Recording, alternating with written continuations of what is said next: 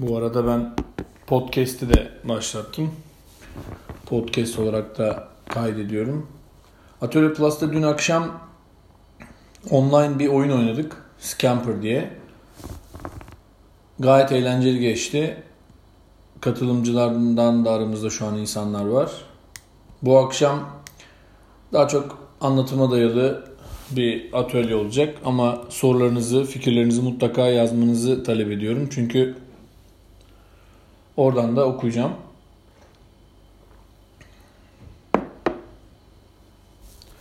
Yarın akşam Merhaba Online diye bir şey başlattık biliyorsunuz. Atölye başlattık. Merhabayı yapmıştık ama onun online'ını yapıyoruz. Yarın akşamki konuğumuz diyetisyen Damla Hanım. Onunla beraber bu evde olduğumuz süreçte daha dengeli beslenip bağışıklığımıza nasıl yiyeceklerle katkı sağlayacağımızı konuşacağız. Perşembe akşamı Oktay'la bir söyleşimiz olacak. Onu davet ettik. Oktay diye bir arkadaşımız var tanımayanlar için. Tanısanız çok seversiniz. Ee, biz çok sevmiyoruz ama inşallah siz çok seversiniz. Cuma akşamı da beraberken çok eğlendiğimiz bir oyun vardı. Ee, serbest çağrışım diye. Oyun tadında bir atölye. Onun online'ını yapacağız. Cuma akşamı da serbest çağrışım oynayacağız. Henüz kayıtları açılmadı. Yarın açılacak kayıtları.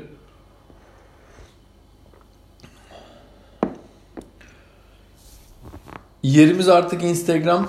Yerinizi sormuştum ama cevap alamamıştım diye Kitty Hobby Art diye bir yazmış. Kusura bakmayın her mesaja cevap vermeye çalışıyorum ama atlamışımdır. Yerimiz Çorlu'da heykelle Santar arasında bir sokağın içerisindeyiz. Umarım tekrar e, bu günler biter de tekrar atölyelerimizi yapmaya başlarız. Size konum da atarım o zaman. Atölyemizde sizi ağırlarız.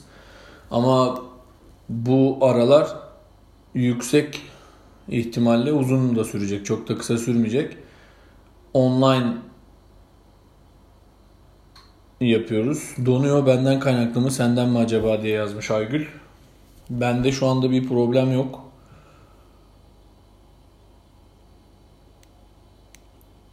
Şöyle kısıtlı sayıda bir kayıt olacak Cuma günü için.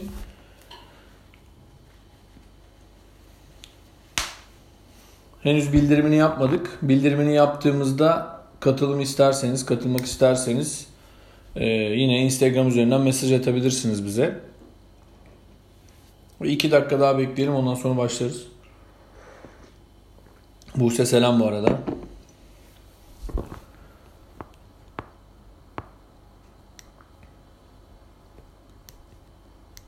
Umarım her şey yolundadır herkes için.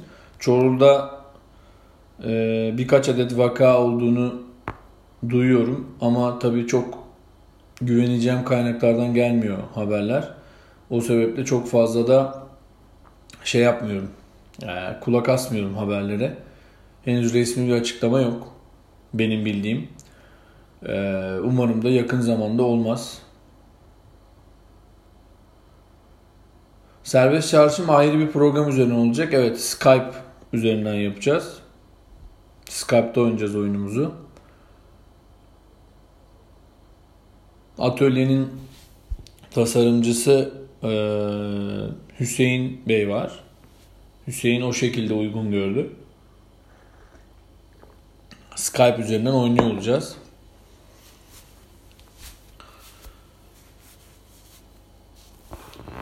Arkadaşlar atölyemize yavaş yavaş başlıyorum. Öncelikle vakit ayırıp katıldığınız için teşekkür ederim. Adım Atakan Çivici. Atölye Plus'ın kurucusuyum. Genelde organize eden taraftayım ama bazen e, anlatmak istediğim şeyler olabiliyor biriktirdiklerim arasında. E, onları da sizlerle paylaşıyorum çeşitli atölyelerle. Bugün aslında e, klişeler üzerinden gidecek. Ee, arada sizinle böyle hayatta karşılaştığımız klişeleri paylaşacağım. O yüzden Atakan'ın işlerinin e, afişinde de kırık olsa duramazsın diye bir şey var. Hepimiz bununla karşılaşmışızdır. Özellikle bir takım e, yani yaşları daha bizden büyük olan insanlar kullanır. E, kolunuz ya da bacağınız e, kırık olduğunda o kırığın acısına dayanamazsın ya. Mutlaka kırık olsa belli eder kendini diye bir şey söylerler. Ben biraz bunun mecazi anlamıyla bu akşam atölyeye başlamak istiyorum. Ee, biz kırılıyoruz ama fiziki kırılmalar gibi e, ona hemen müdahale edemiyoruz. Kırılıyoruz ve aslında kırıldığımız yerde de kalabiliyoruz bazen. Kırılmanızın sebebi benim gördüğüm kadarıyla iletişim problemleri. İletişimde yaşadığımız problemlerde e, birbirimizi kırıyoruz. Ve bu aralarda herkes daha çok kısıtlı kaynak kullanımı olduğu için, evde olduğu için farklı psikolojiler yönetmeye çalışıyor. Ve bu farklı psikolojileri yönetirken de kuracağımız iletişimler genelde online oluyor. Ee, veya çok kısıtlı da olsa e, arkadaşlarımızla görüşüyoruz. Ya da işte iş yerinde mecbur gidiyorsak eğer iş yerinde bir paylaşım yapıyoruz mutlaka insanlarla. E, fakat şu anda psikolojimizin çok eskiye nazaran daha zor bir gün günler geçirdiğimiz için hem kendi psikolojimizi yönetirken hem de iletişimde e, çeşitli sıkıntılar yaşıyor olabiliriz. E, almış olduğum bir eğitimin notlarını paylaşacağım sizinle. Bu çatışma yönetimi diye bir eğitim almıştım. Ben de çatışma yönetimi eğitimine gitmeden önce çatışmanın olumsuz anlamını kabul eden ve hayatımda onu olumsuz bir yerde tutan bir insandım. Ama eğitimden sonra tamamen bakış açım değişti. Bu akşam sizinle onları paylaşacağım.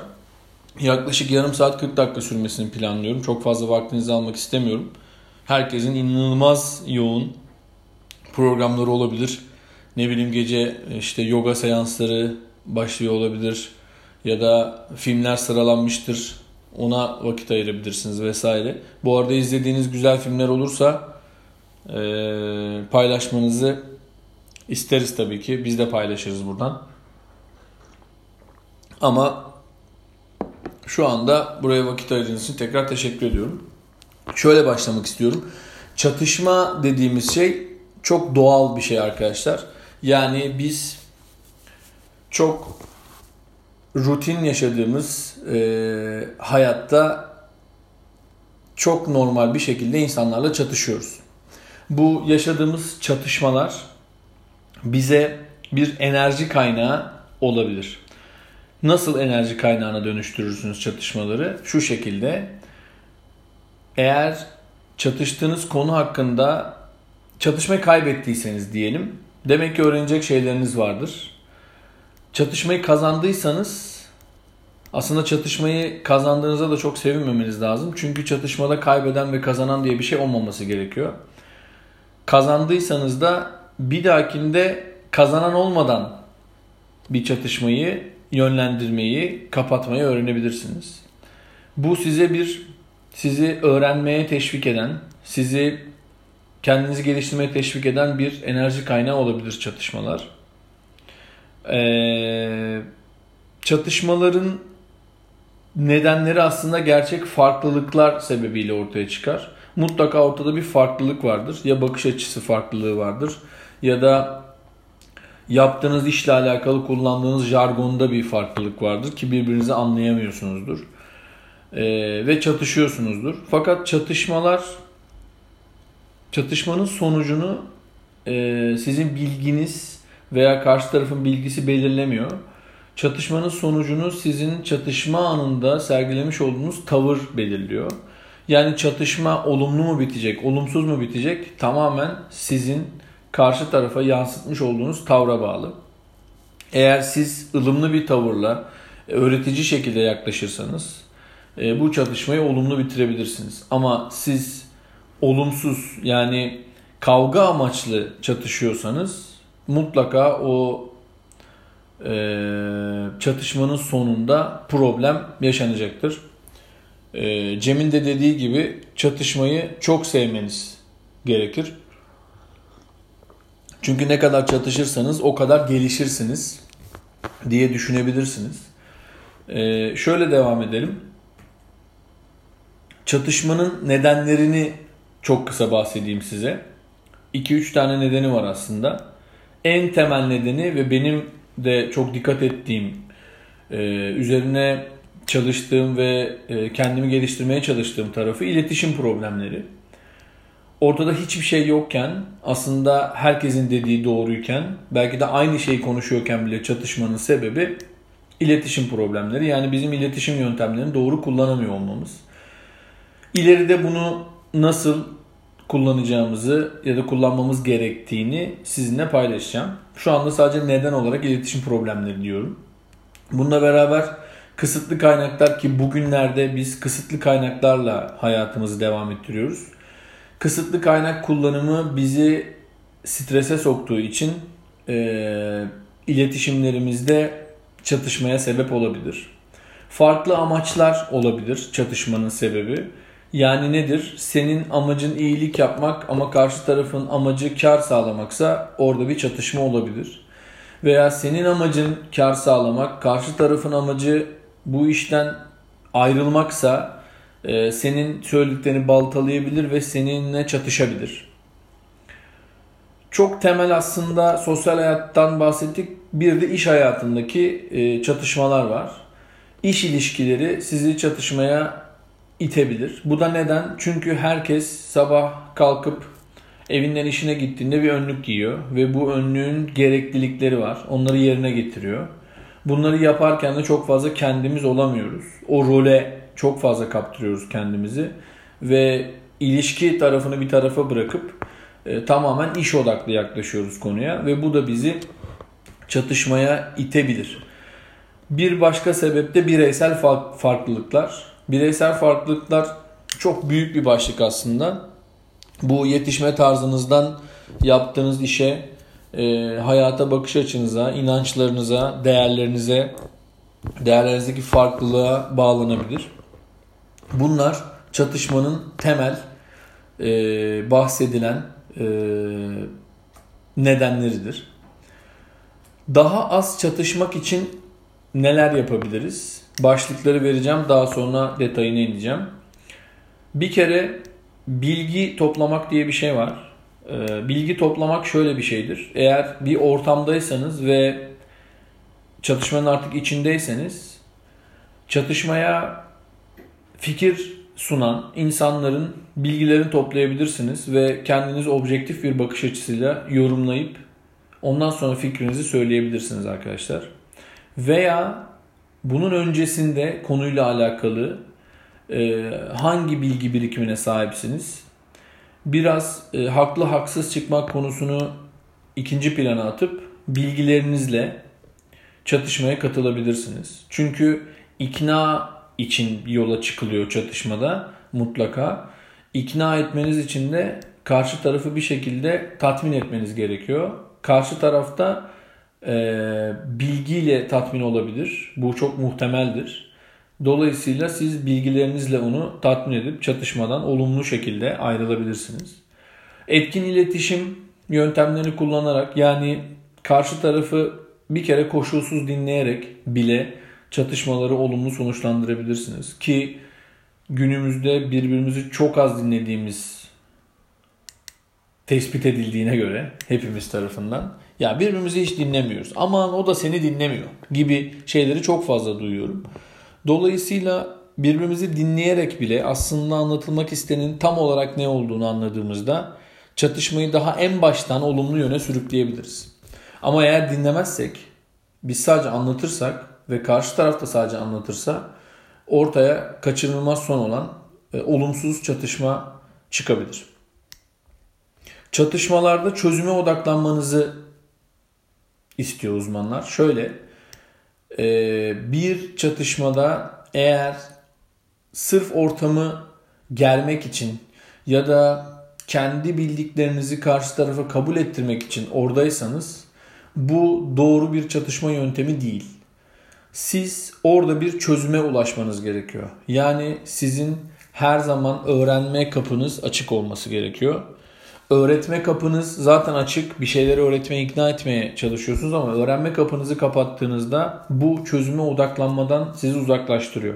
Yani ortada bir çözüm olmuyor. Ortada sadece ikna alıyor ve ikna olmadıkça da zorla iknaya çalışıyorsunuz. Zorla ikna da karşı tarafa baskı kurmaktır ve baskı altında da insan maalesef çatışmaya olumsuz devam eder.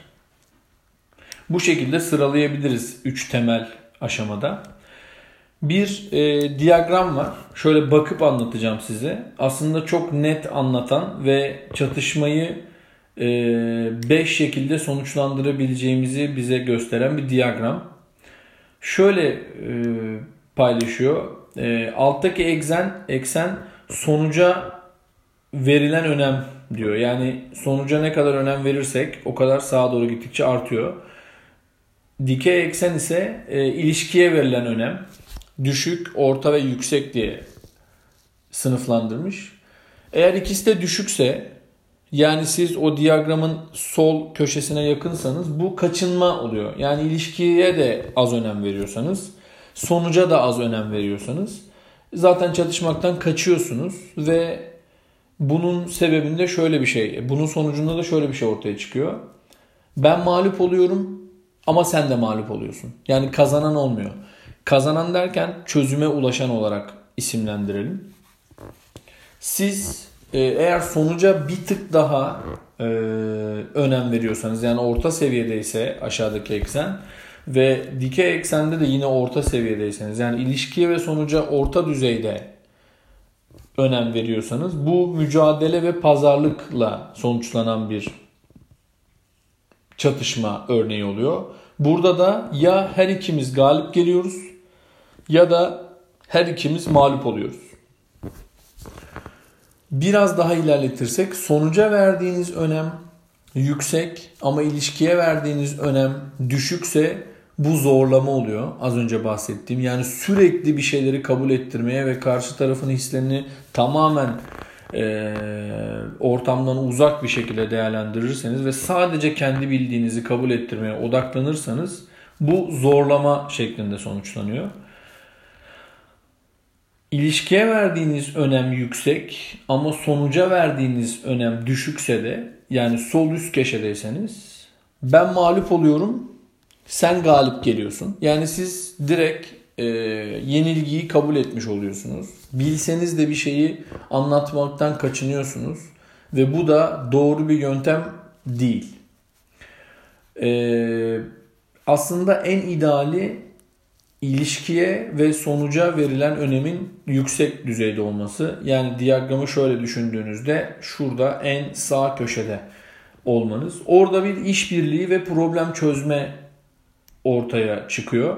Bu da şöyle ben galip geliyorum sen de galip geliyorsun. Yani e, sonuçta çözüm odaklı bir e, çatışma sergiliyoruz ve olumlu sonuçlandırıyoruz. İşbirliği yapıyoruz veya problemi çözüyoruz.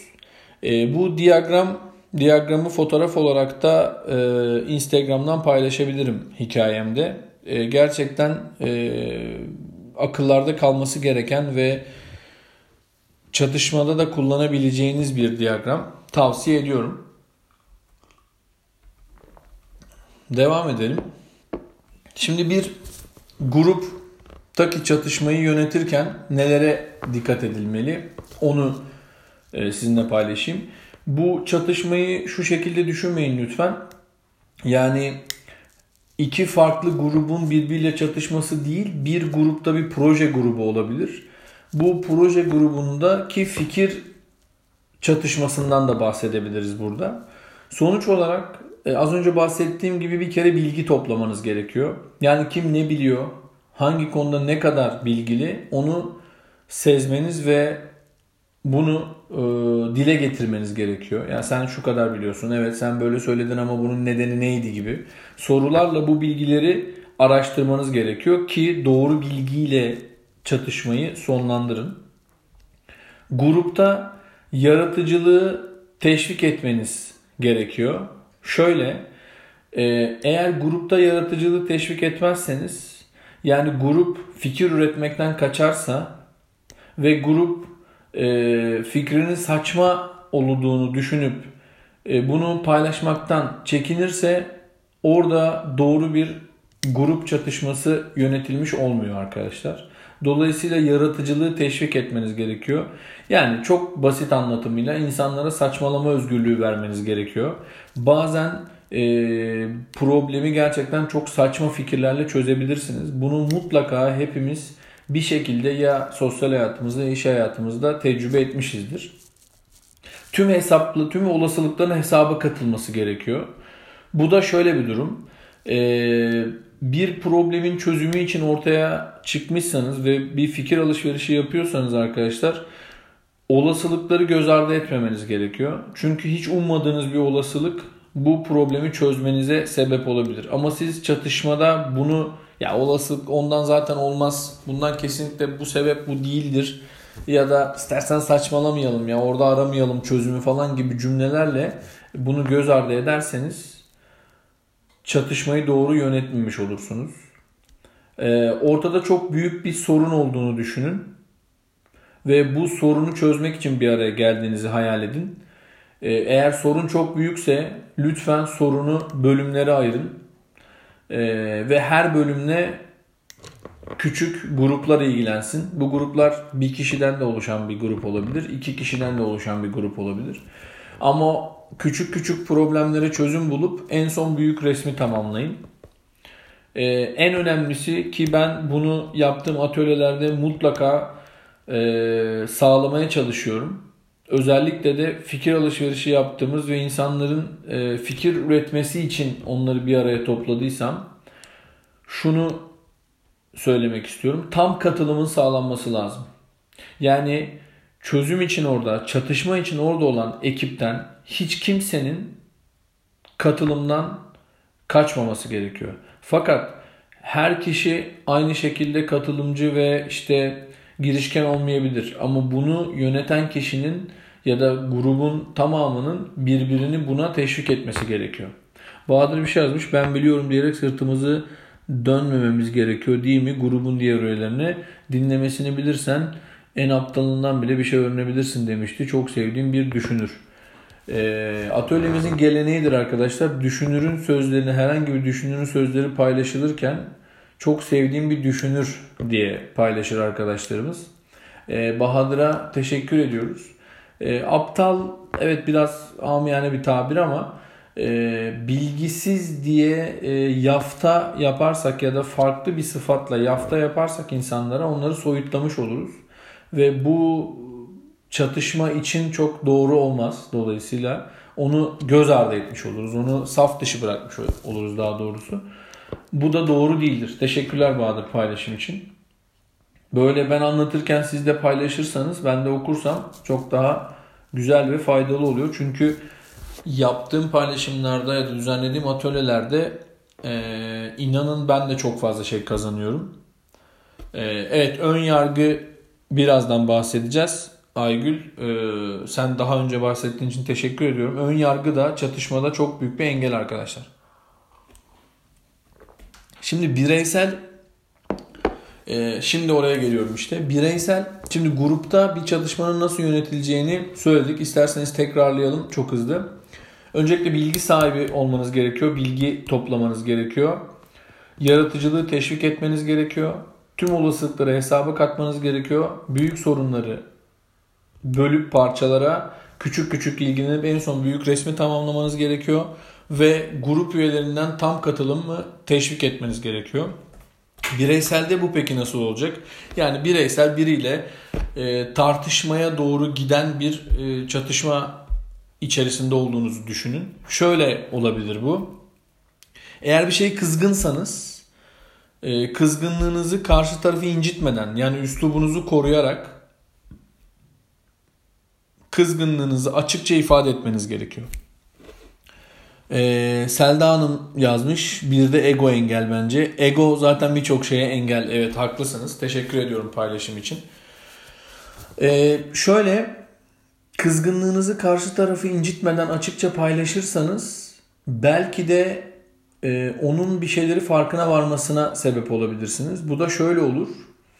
E, o belki farkında değildir ve atıp tutuyordur ya da sizin üzerinize geliyordur. Ama siz bu noktada ben kızıyorum ve bu benim için e, çok doğru bir yöntem değil. Bu yöntemi değiştirsek ve farklı şekilde devam etsek ya da ben kızıyorum ve kızdığımda ağzından istemeyeceğim sözler çıkabilir. Ve ben de seni kızdırmak ya da kırmak istemem. İstersen e, başka bir zaman devam edelim veya farklı şekilde devam edelim gibi yönlendirmeler yapabilirsiniz. E, karşı tarafın sınırlarını zorlamamak var. E, bu bazen kullanılıyor aslında. Biliyorsanız ki biri bir şeye çok çabuk sinirleniyorsa onu kullanıp onu direkt çatışmanın dışında bırakabilirsiniz. Çünkü birisi o noktaya geldiğinde artık çatışma olmaz ve kavga olur. E, iletişimde de kavga ne şekilde olursa olsun çok kabul edilebilir bir şey değil. Hiçbir şekilde kavga etmeden e, o kargaşaya girmeden çözmeniz gerekiyor bazı şeyleri. Kızgınlığı içe atmamak var mesela. Az önce paylaşmak vardı e, doğru şekilde. Bir de biriktirmemek var. Çünkü çok küçük bir balonken bunu içinizde eğer sönümlemezseniz e, daha sonra bu balon büyür ve daha sonra bu balon büyür ve size daha büyük problemler sağlayabilir. Bülent abi şu an bende donma yok ama senin bağlantınla alakalı bir problem olabilir mi abi? Yani bende herhangi bir donma olmuyor şu anda. Ee, kızgınlığınızı içinize atmayıp biriktirmeyip o anda paylaşmanız ve bu paylaşımı da ilk söylediğimiz noktada e, açıkça karşı tarafa incitmeden ifade etmeniz gerekiyor. E, duyguları dürüstçe ifade etmek var. Duyguları dürüstçe ifade etmenin e, bir önceki aşaması şudur. Duyguları doğru tespit etmektir. E, duygu kontrolü ya da duygularına hakim olmak gibi e, öğrenilebilecek e, şeyler var. Bunu tabii ki bir profesyonele danışmanız gerekiyor ya da kendinizi çok iyi dinliyor olmanız gerekiyor. E, üzerine çok çalışıyor olmanız gerekiyor. ama duygularınızı kontrol etmeyi öğrenmek için ilk önce duygularınızı tanımlamayı öğrenmelisiniz. Duygularınızı tanımladığınızda ancak duyguları dürüstçe ifade edebilirsiniz.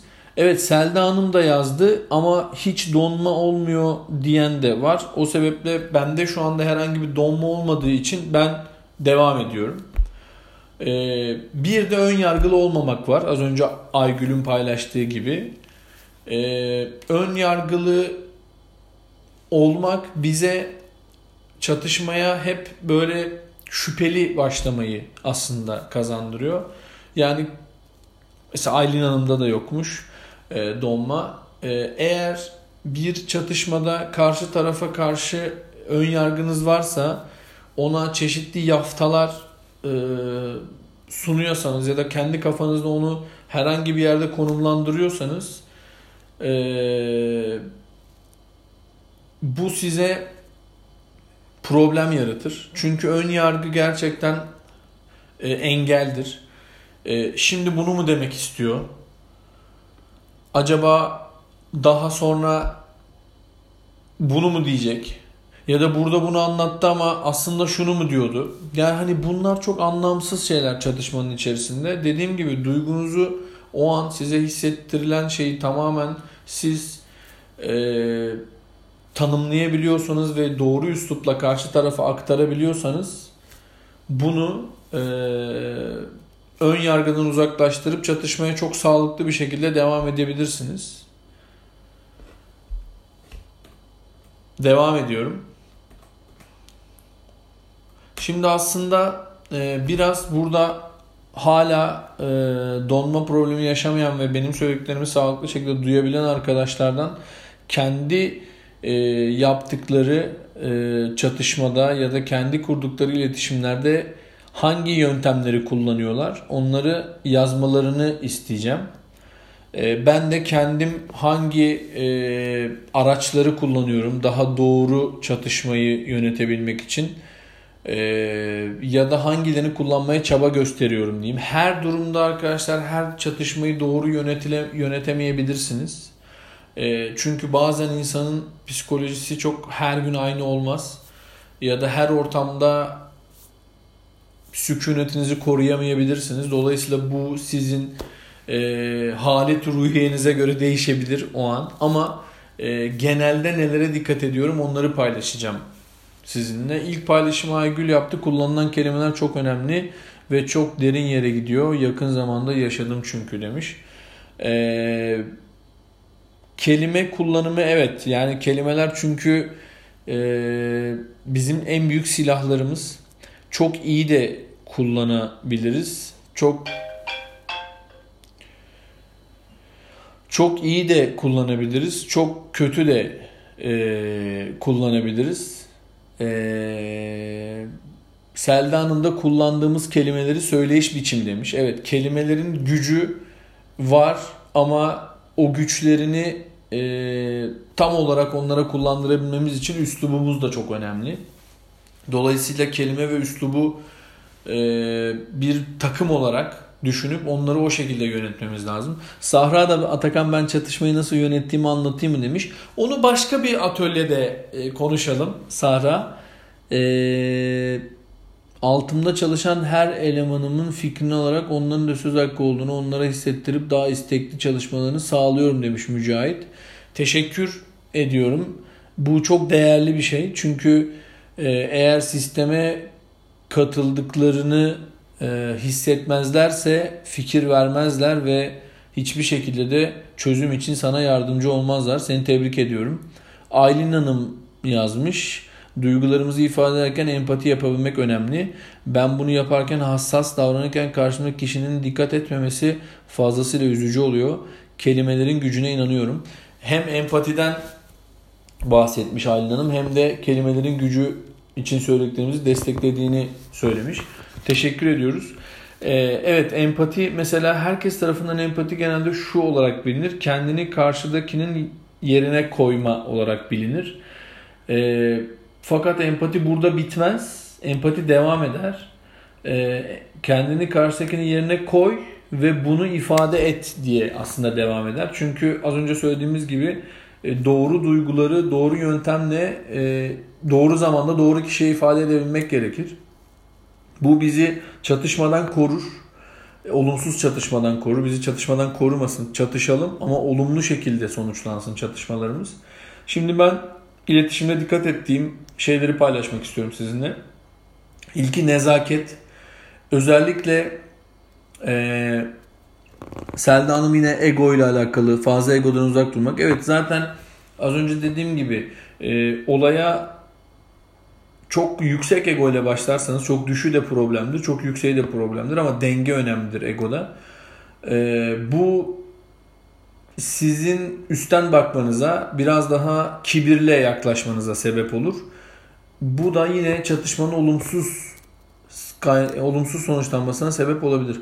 Düzgün kelimelerle beni kırdığını ve bu şekilde söylememesi gerektiğini söylediğim halde birkaç gün sonra yine devam etti. Bazen kelimeler bile yetersiz kalıyor. Karşılıklı önemli bunlar demiş Aygül. Ee, tabii ki çünkü şöyle e, bu artık bence bitirilmesi gereken bir şeymiş. Çünkü bir kere zaten ifade etmişsin ve karşı taraf bunu hiçbir şekilde dinlememiş. Dolayısıyla senin artık bu çabada olmaman gerekiyor. Farklı şekilde devam etmen lazım. Benim kullandığım dediğim gibi ilk e, araçlardan bir tanesi nezaket. Ee, özellikle tanımadığım kişilere karşı nazik olmaya çalışıyorum. Tanıdığım kişilerle zaten belirli bir seviyede devam ediyorum iletişimime ama tanımadığım kişilere karşı ilk başta özellikle nazik oluyorum ki e, bu en temelde böyle kabul edilsin. Çünkü ilk izlenimin çok önemli olduğuna inanıyorum. Dolayısıyla nezaketi kullanıyorum bu şeyde. Empati şöyle e, her zaman karşımdakinin yerine kendimi koyamasam da buna çalışıyorum. Çünkü e, empatinin temelinde hoşgörü olduğunu düşünüyorum.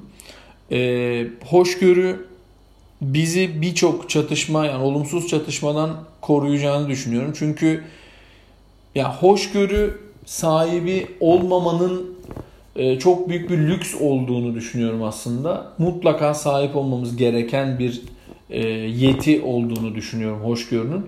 E, yeterli hoşgörüye sahip olduğumuzda da o e, doğru empatiyi kurabiliyoruz. Bu bence e, çok değerli. E, samimiyet önemli demiş Selda Hanım. Samimiyet evet. E, yani samimiyet yanlış kullanılmadığı sürece çok değerli. E, samimi olduğunuzu yani yapmacık olmadığınızı ifade etmeniz, karşı tarafın bunu kabul etmesi sizin söylediklerinize daha çabuk ikna olmasına ve niyetinizi daha çabuk anlamasına sebep olabilir. Dolayısıyla dediğiniz gibi çok değerli. Geri bildirim ben çok küçük şeylerin de çok büyük şeylerin de e, özellikle geri bildirimini veriyorum karşımdaki kişilere.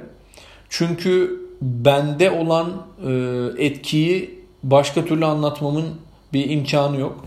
Bana olan etkisini, onun söylediklerinin bana olan etkisini mutlaka geri bildirimle, olumlu ya da olumsuz e, veriyorum. Bunu normal hayatımda da en ufak bir yaşadığım restoranda bir problemde de ya da bir bakkalda da ya da çok büyük böyle bir toplantıda da e, kendi müdürlerime karşı da bunu kullanıyorum. Ve bugüne kadar da hiçbir şekilde bundan e, zarar görmedim. Bunu mutlaka öneriyorum size geri bildirim vermenizi. Ön yargı ile ilgili zaten konuştuk. Ön yargıları yıkmanız gerekiyor. Karşıdaki kişiye yafta vurmamanız gerekiyor. Çünkü yafta engel demektir aynı zamanda. Ne kadar çok yaftalarsanız o kadar çok iletişiminizin arasına engel koyarsınız arkadaşlar.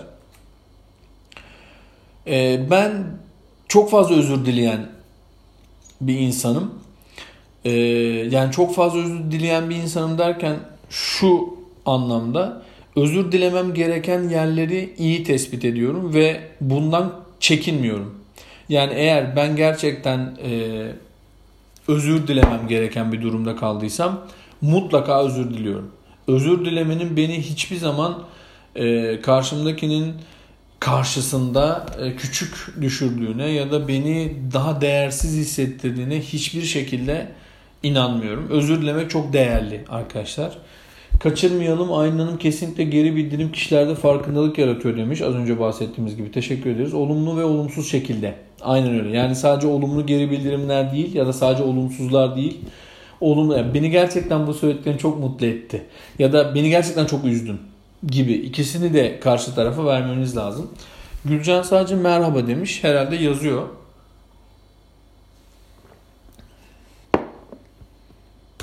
Özür dilemekten sonraki teşekkür etmek. Arkadaşlar ben bana teşekkür edilmediği zaman, birine bir iyilik yaptım mı, bana teşekkür edilmediği zaman bu beni olumsuz etkiliyor. Ee, beklentim çok yüksek değil. Ee, bir şey de değil. Ee, nasıl söyleyeyim?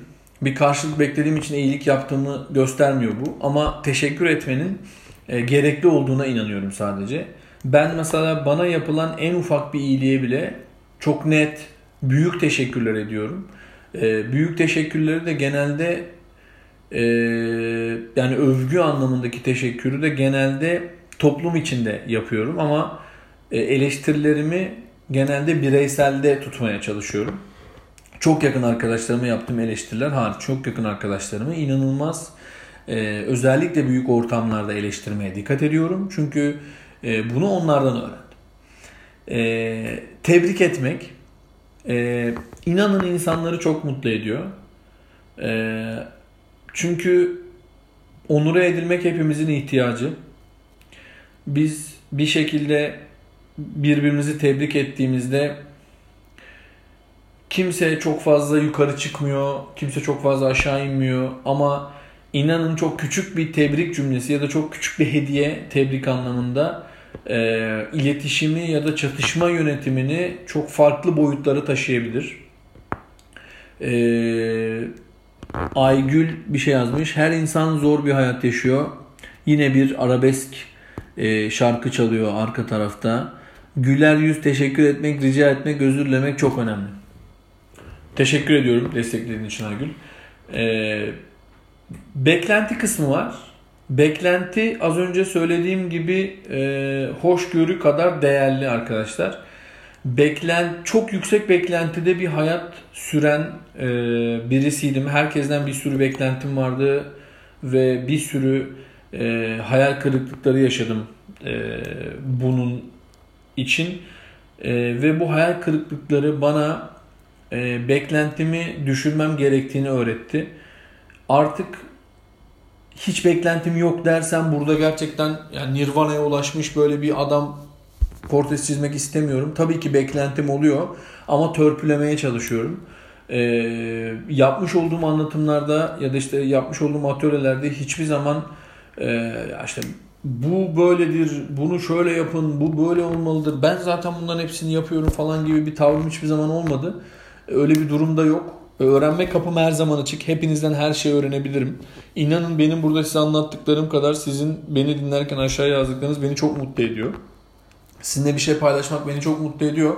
Ama paylaşımlarıma karşılık sizden bir şey aldığım zaman bu beni iki kez mutlu ediyor arkadaşlar. O yüzden teşekkür ediyorum. Bakın yine teşekkür etmem gereken yerde e, size teşekkür etmeyi hiçbir zaman yani görev haline getirmiş bir durumdayım. Böyle oluyor, böyle çalışıyor yani.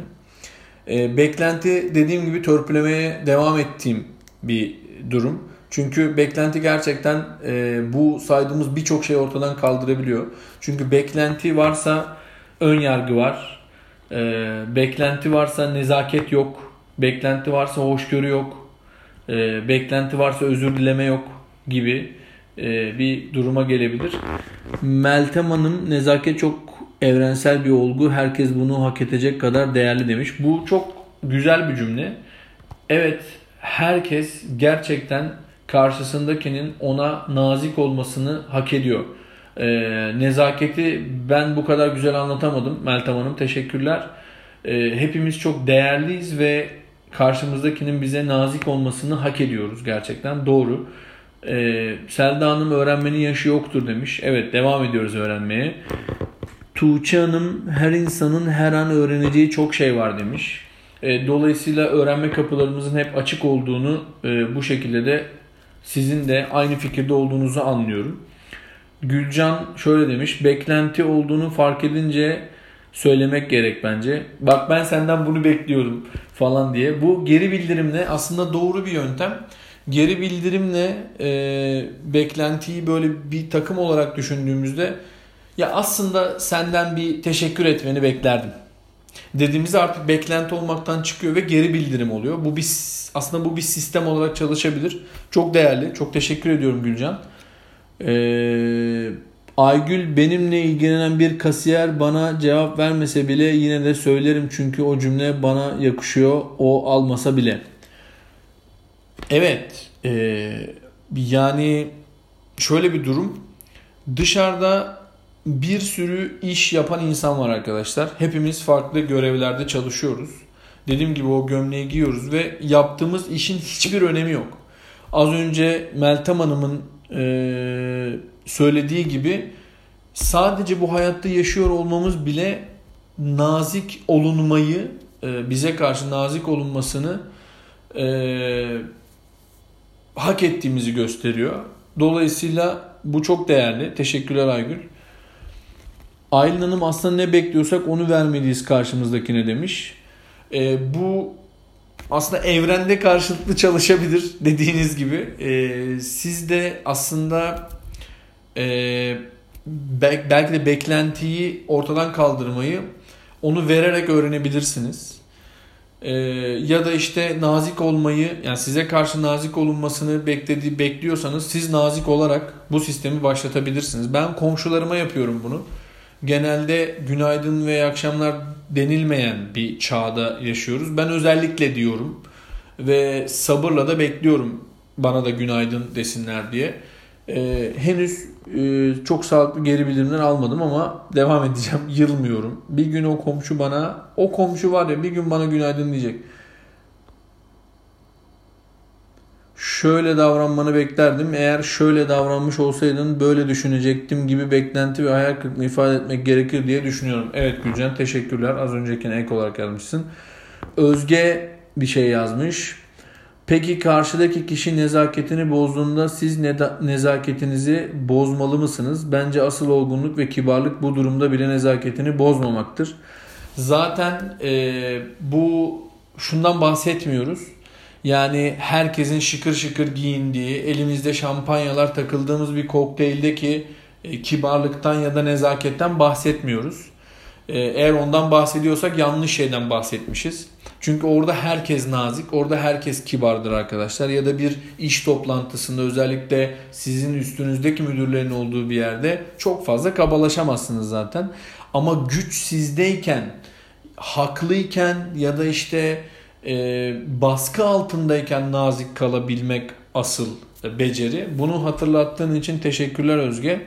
Yoksa diğer türlü zaten birbirimize mecbur nazik olmamız gereken yerlerde ki naziklik bizim kazanmamız gereken bir şeydir. O zaten mecburiyet ama asıl tam olarak bizken ve şartlar belki de sizin lehinizeyken burada nezaketi ve kibarlığı korumak e, asıl değerli olan. Beklentiden sonra da en son sizinle paylaşmak istediğim şey aslında mütevazi olmak. E, mütevazi olunmamasını ben anlamıyorum. yani anlamadığım şeylerden bir tanesi de bu. E, nasıl olunuyor da mütevazi olunmuyor? Bu çok fazla benim e, lügatımda olan bir şey değil. Çünkü en fazla neye sahip olabiliriz ki mütevazi olmayız? Bu soruya cevap veremiyorum. Dolayısıyla e, çok üstlerde bir yerde mütevazi olmak onu sona bile bile yazdım. Çünkü üzerine konuşmak istiyorum. E, sahip olduğumuz iş ya da ekonomik şartlarımız, nerede yaşadığımız, nerede doğduğumuz ya da işte belki bizim işimiz bile değil ailemizin işine sahip olmamız falan insanların e, farklı yerlerde kendini konumlandırmasına sebep oluyor. Bu üzücü. Yaptığım tespitlerde bunu görüyorum. Bu gerçekten çok üzücü. E, mütevazi olun. Yani net. Net olun. Yani hani böyle acaba ya da soru işaretleri falan kalmasın kafada. Eee yetiştirilme tarzı mütevazı olmayı engelleyebilir. Engeller hep olabilir ama öğrenme kapısı açıksa mütevazı olunmak öğrenilebilir arkadaşlar. Benim kendi iletişimimde kullandığım e, araçları sizinle paylaştım. Bunların hepsi antrenmanla öğrenilen yani nezaketi nazik ola ola öğreniyorsunuz ya da hoşgörüyü hemen öyle içinizde bir hoşgörü ağacı e, tutmuyorsunuz ya da zaten e, böyle bir tapınakta falan da yaşamıyorum. Ben normal hayatta işte evi bir bölümünü görüyorsunuz arka tarafta. Dolayısıyla e, bunları kazanmak için bunların üzerinde biraz antrenman yapmak gerekir. Selda Hanım saygı ve alçak gönüllülüğünde işte mütevazi biraz alçak gönüllülükle aynı. E, saygı aslında saygı evrensel küme. Yani karşınızdaki kişiye saygı duyduğunuzda nazik, hoşgörülü, ön yargısız olabilirsiniz. Ee, ve özür, teşekkür ve tebrik üçlüsünü ona uygulayabilirsiniz. Çok yukarıda diye saygı hani nasıl söyleyeyim çok e, zaten olması gereken bir şey olduğu için bahsetmedim. Berkay Yine ulvi paylaşımlarından bir tanesini yapmış. Büyük katkıları var Atölye Plus'a. Teşekkür ediyoruz. Bence genlerden de gelebiliyor nazik olmak. Evet işlenebilir ama yine de e, tabii ki yani çok böyle nasıl söyleyeyim e, inanılmaz kaba da bir insan olabilirsiniz. Çünkü yetiştirme tarzı ve genleriniz evet bunda çok büyük etken. Çünkü genetik bir miras taşıyorsunuz. Sizden öncekilerin genetik mirasını taşıyorsunuz. Her anlamda bunu taşıyabilirsiniz. Ama tekrar söylüyorum antrenman yapılıp da kazanılamayacak bir özellik hayatımda hiç görmüyorum. E, dolayısıyla her şeyin antrenmanı yapılıp kazanılır. İyi veya kötü. Mesela Berkay'ın dedesi yanlış numara onları aradığında mesela onlar aradığı için özür dilerdi diyor. Ki bu onun dedesi değil benim dedem e, benim dedem üzerinden kendi dedesi olarak e, örnek veriyor sağ olsun. Teşekkür ediyorum dedemi hatırlattığın için. Nur içinde yatsın. Ama hakikaten öyleydi rahmetli. Bizi yanlış numaradan bir arada olur mu efendim ya lütfen hangimizin başına gelmez lütfen ben özür diliyorum ya sen neden özür diliyorsun o aramış zaten ee, Aygül örnek vermek isterim diyor lütfen Kral FM açarsak arkadaşlar Aygül konuşuyor örnek vermek isterim çocukluğunda yeterince yeterince saygı görmemiş, yaptıkları takdir edilmemiş, çocuk ileride yaptığı herhangi bir şeyi abartacak ve iyi görmek için ukala olacak diye düşünüyorum. Ee, tabii ki bu mesela bu varyasyonların hepsi hesaplanamaz. Çünkü çok farklı yöne yani çok farklı yetiştirme tarzlarının ya da çok farklı uygulanan yöntemlerin anne baba tarafından çocuğu ileride çok farklı yöne çektiğini görebiliriz. Bu tamamen doğru bir tespit. Zaten senin dediğin gibi yani de ne kadar değersizse bunu iş yerinde çok fazla örneklerler. Evde ne kadar değersizse iş yerinde o kadar despottur e, yöneticiler vesaire gibi. Ama dediğim gibi antrenman, antrenman, antrenman. Berkay o benim de dedem demiş. Allah razı olsun. Ee, Gülcan bir şey yazmış. Bir davranışı öğrenirken en güçlü yöntemin o meziyete sahip kişinin davranışlarını ve düşünme tarzını gözlemleyip kendi davranışımız haline getirmek olduğunu düşünüyorum. Evet. Teşekkür ediyoruz Gülcan. Ee, örnek aldığın kişilerin sadece fikirlerini değil davranışlarını ve e, düşünme tarzlarını da e, gözlemleyip onları da hayatına katarsan daha köklü bir şey olur. Diğer türlü taklit olur. E, dolayısıyla çok değerli bir paylaşım. Teşekkür ederim. Benim bu akşamlık sizinle paylaşacağım şeyler bitti arkadaşlar. Dediğim gibi zaten 35 geçe falan başlamıştık. Bir saate yaklaştık ama çok değerli katılımlar oldu. Çok teşekkür ediyorum. Yarın akşam yine farklı bir canlı yayınla burada olacağız.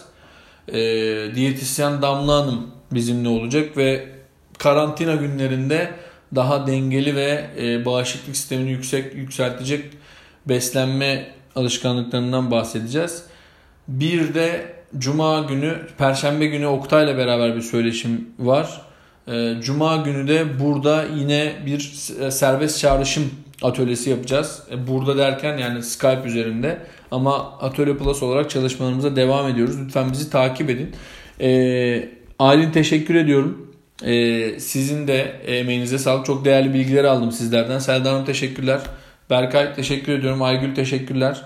Ee, çok teşekkürler. Çok sağ olun. Ee, dediğim gibi değerli gördüğüm şeyleri paylaşılmaya değer gördüğüm şeyleri bu platform üzerinden sizinle paylaşmak beni çok mutlu ediyor. Ee, buna devam edeceğim elimden geldiğince. Lütfen siz de eğer bir şeyler anlatmak istiyorsanız biliyorsunuz Merhaba Online diye bir şey var. Bir şeyler anlatmak istiyorsanız sizi konuk olarak alabiliriz ve karşılıklı bir söyleşi yapabiliriz. Bu çok uzun sürmesine gerek yok. 15 dakika bile sürebilir arkadaşlar. Ama buradan öğreneceğiniz bir kelime ya da sizin o akşam bize söylediğiniz bir kelime bile bizim hayatımız boyunca kullanacağımız bir araç olabilir. Dolayısıyla ben paylaşımın ve iletişimin çok değerli olduğunu her ortamda söylüyorum. Tekrar bu akşam yine gördüm. Çok sağ olun. Çok teşekkür ediyorum. Herkese iyi akşamlar.